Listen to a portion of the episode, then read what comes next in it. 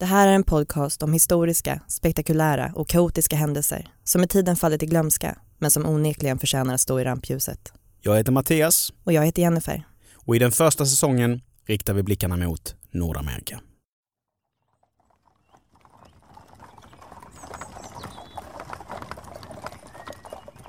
Genom städer, fält och ingenmansland.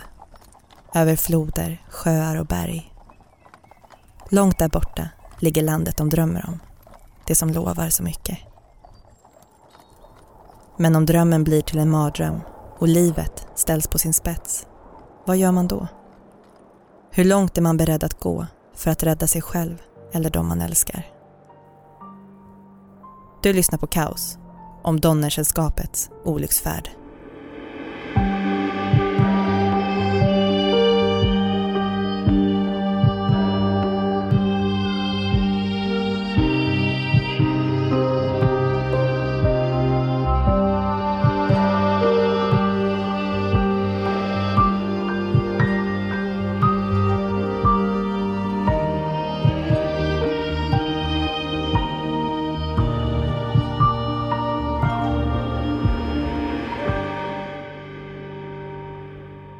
Land of the free, home of the brave.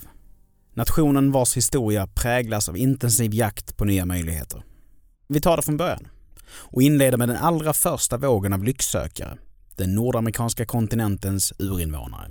Ett gäng nomader som tror sig invandrat från Asien via Berings Sund för sisådär en 30 000 år sedan. Man har hittat spår efter vad man tror är mänskliga bosättningar som dateras till 12 000 år före Kristus samt tecken på byliv, det vill säga snäppet mer organiserad och civiliserad tillvaro som härrör från 300 f.Kr. En massa år passerar och befolkningsmängden ökar.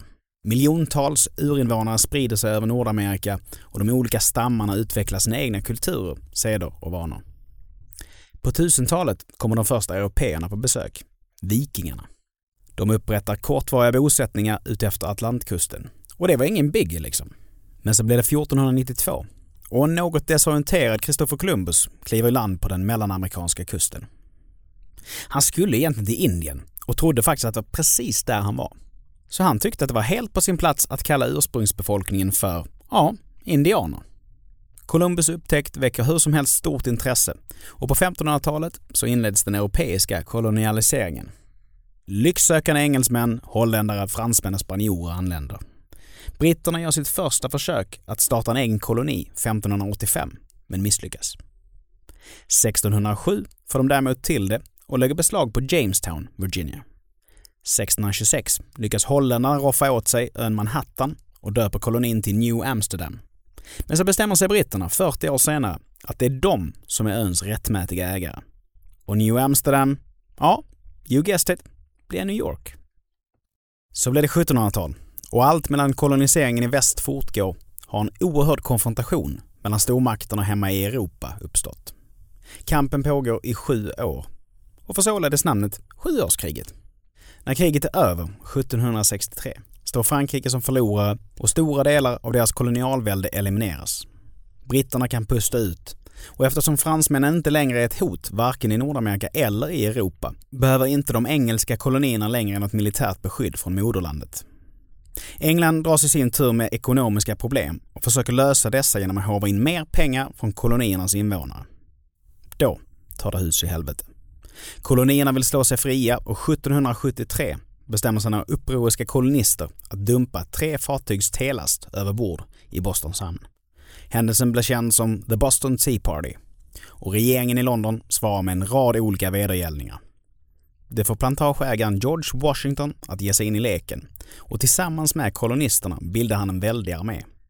Den 4 juli 1776 fastställs självständighetsförklaringen. United States of America utropas och det slutar med att engelsmännen tvingas erkänna USAs självständighet. George Washington blir landets första president och konstitutionen, den äldsta ännu gällande federala statsordningen, träder i kraft. Vi hoppar fram några år. Washington har dött till följd av en halsinfektion. USAs andra president, John Adams, har avgått och nu är det Thomas Jefferson som regerar. De Förenta Staterna har precis lagt beslag på stora landområden i syd och väst. Och år 1804 skickar president Jefferson iväg upptäckarna Meriwether Lewis och William Clark för att hitta en duglig väg över kontinenten till Stilla havet. En 16-årig kvinnlig urinvånare med sin bebis på ryggen blir deras guide över klippiga bergen och 19 månader efter avfärden så kommer de fram.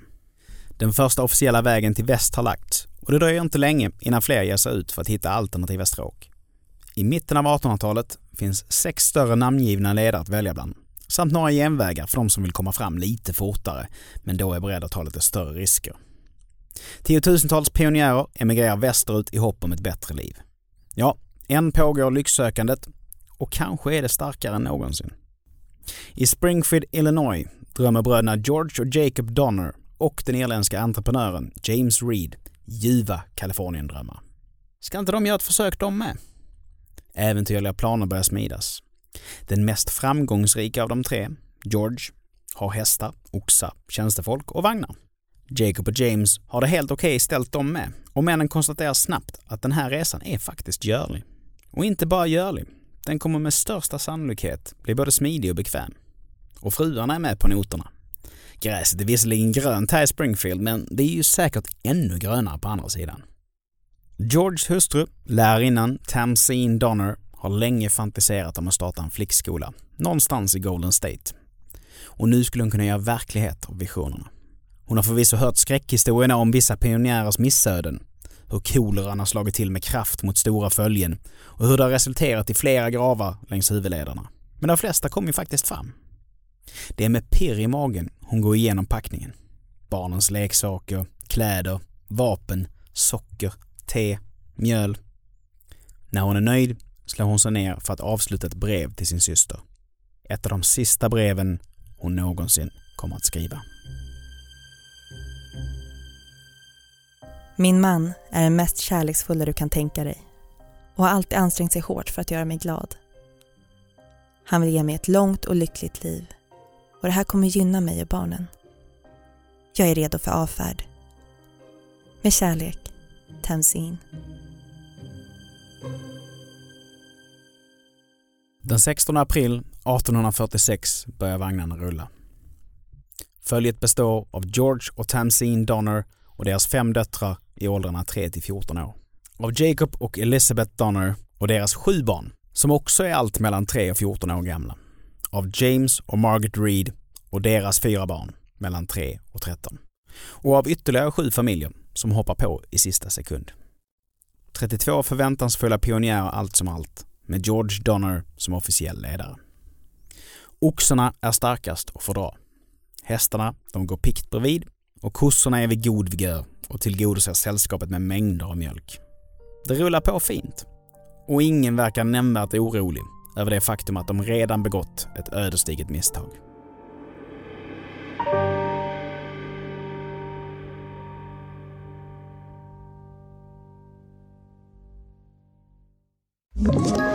Ett poddtips från Podplay. I podden Något Kaiko garanterar östgötarna Brutti och jag, Davva, dig en stor dos skratt. Där följer jag pladask för köttätandet igen. Man är lite som en jävla vampyr. Man har fått lite blodsmak och då måste man ha mer. Udda spaningar, fängslande anekdoter och en och annan arg rant. Jag måste ha mitt kaffe på morgonen för annars är jag ingen trevlig människa. Då är du ingen trevlig människa, punkt. Något Kaiko, hör du på Podplay. Därför är gardinerna.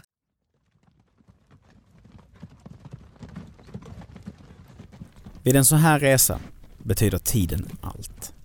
Mycket av det land man ska korsa har bara tre årstider. Juli, augusti och vinter.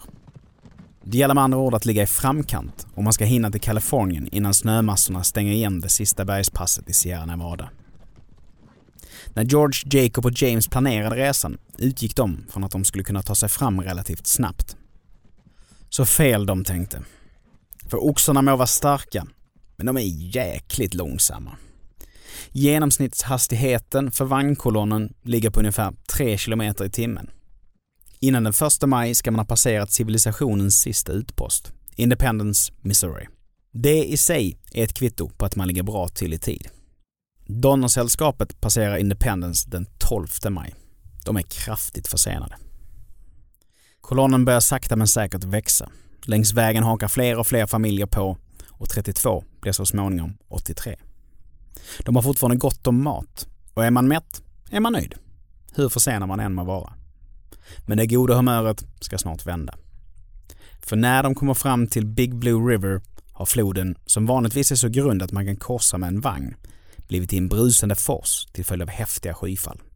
George tar beslutet att de ska avvakta för att se om vattenståndet sjunker. Några dagar senare är läget fortfarande helt oförändrat och sällskapet beslutar sig för att bygga en stor timmerflotte att skeppa över vagnarna på. Projektet tar ytterligare några dagar och ännu en omfattande försening är dessvärre ett faktum. Tamsin, som hittills tyckt att resan varit ett storartat äventyr, har en olustig känsla i magen. Hon sneglar på sina döttrar, på sin man. Hon skulle göra allt för dem. Men hur stark hennes kärlek än må vara så kommer den inte räcka till om Moder Jord skulle vända sig mot dem. Eller om matförrådet skulle börja tryta. Tankarna snurrar runt, runt i hennes huvud. Hur många fler hinder kan vi klara av? Maten kommer inte räcka hur länge som helst. Borde vi vända? Måtte vi ha turen på vår sida. Måtte vi fatta rätt beslut.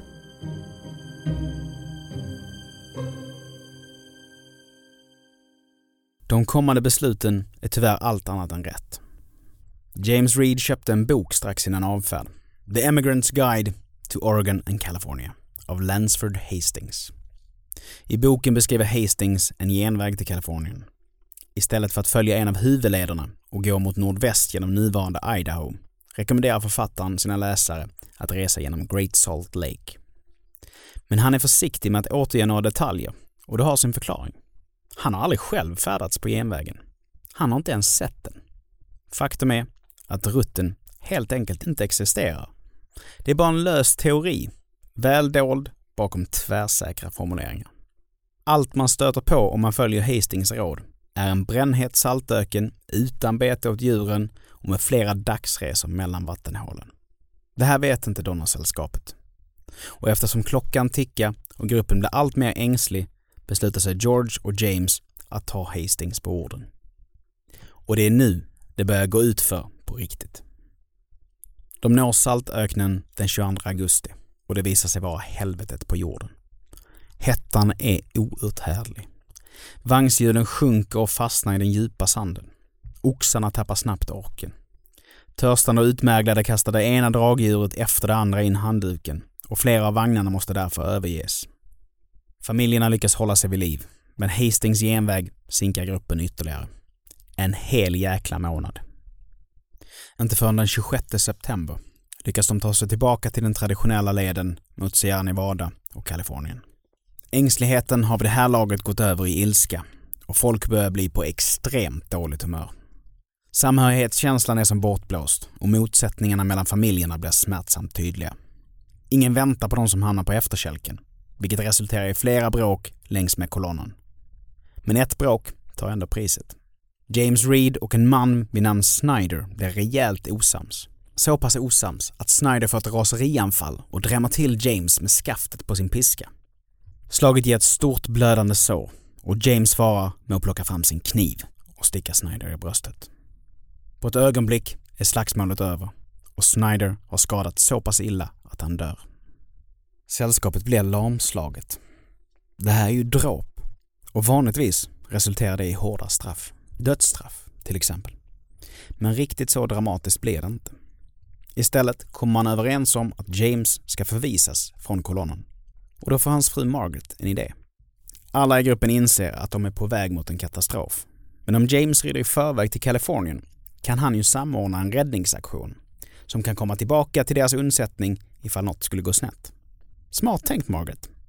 För winter is coming. Den 31 november närmar sig Donnersällskapet, minus James, det sista hindret. Stevens Pass. En stig som går över bergskedjan Sierra Nevada och slutligen leder till deras drömmars land.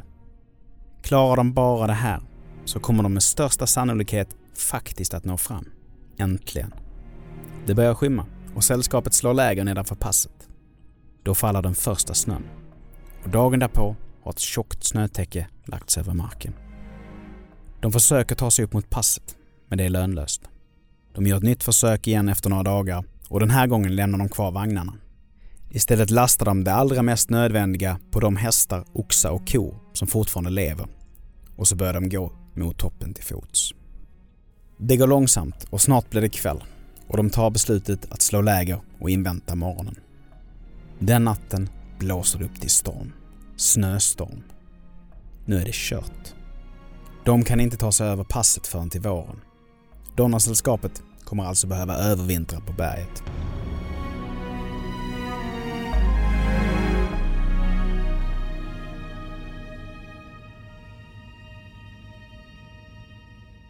Nu är det every man and woman for themselves. Alla är utmattade och de sista krafterna går åt till att bygga hyddor åt sig själv och sin familj.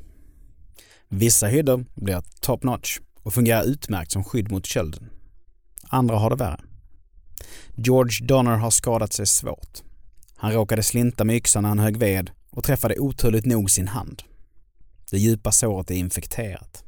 Och varken han eller Tamsin eller någon av deras döttrar har ork nog att ägna sig åt avancerad arkitektur.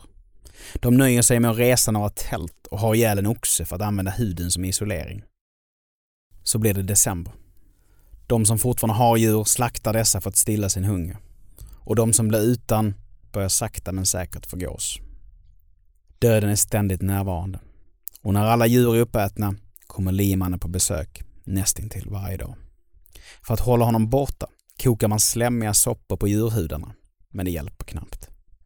När läget är riktigt desperat och gränserna som bortblåsta inser man att man måste börja äta varandra. I sina dagböcker beskriver flera ur Donnersällskapet fruktansvärda scenarier.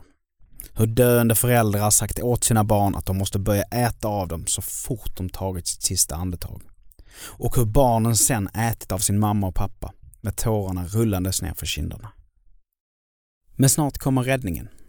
James Reed har lyckats ta sig till Kalifornien och den 18 februari når den första räddningsgruppen fram till lägret. Men vissa är så pass svaga att de aldrig skulle överleva en evakuering. George Donner är en av dem. Och Tamsin ställs inför sitt livs största dilemma. Ska hon följa med sina döttrar eller stanna kvar hos sin man? Hon vänder sig mot flickorna och anstränger sig hårt för att inte bryta ihop. Hon kan inte vackla inför sina barn. Inte nu. Ni måste ta er härifrån nu, flickor. Jag blir kvar hos er far. Han ska inte behöva lida i ensamhet. Men när han har somnat in kommer jag efter. Vi ses i Kalifornien. Se så. Gå nu.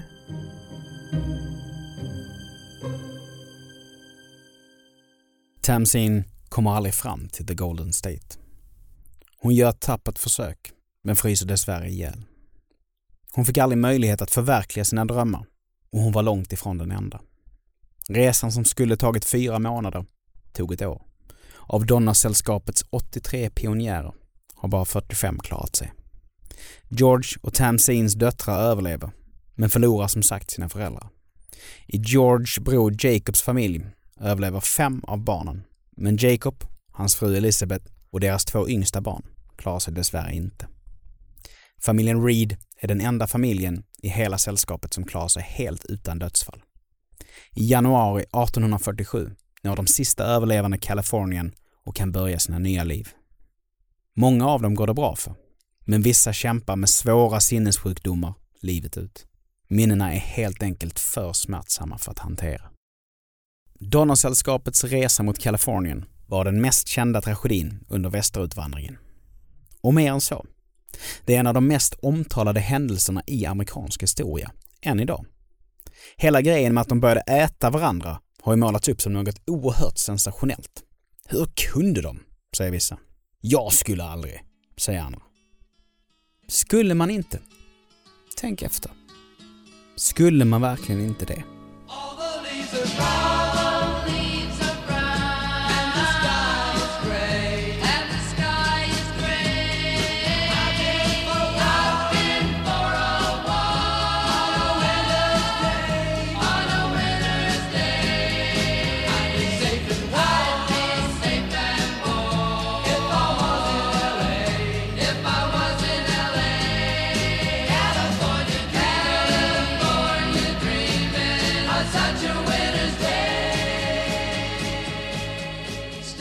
Du har lyssnat på Kaos om Donnersällskapets olycksfärd. Källorna som används är history.com, legendsofamerica.com, nationalgeographic.com, donnerpartydiary.com och tidskrifterna Populärhistoria och Världens historia. Vi som gör den här podden heter Jennifer Devard och Mattias Nordgren. Nästa vecka tar vi oss tillbaka till 1929 och Black Tuesday. Den värsta dagen i Wall Streets historia. Följ Kaos podcast på Instagram för att se bilder från fallen. Tack för att du har lyssnat.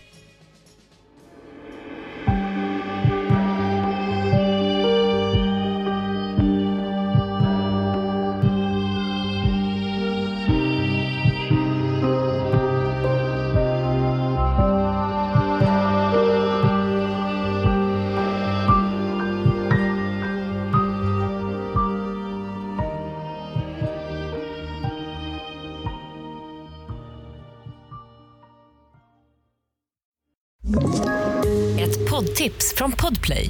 I fallen jag aldrig glömmer djupdyker Hasse Aro i arbetet bakom några av Sveriges mest uppseendeväckande brottsutredningar. Går vi in med hemlig telefonavlyssning och, och då upplever vi att vi får en total förändring av hans beteende. Vad är det som händer nu? Vem är det som läcker? Och så säger han att jag är kriminell, jag har varit kriminell i hela mitt liv men att mörda ett barn, där går min gräns. Nya säsongen av Fallen jag aldrig glömmer på Podplay.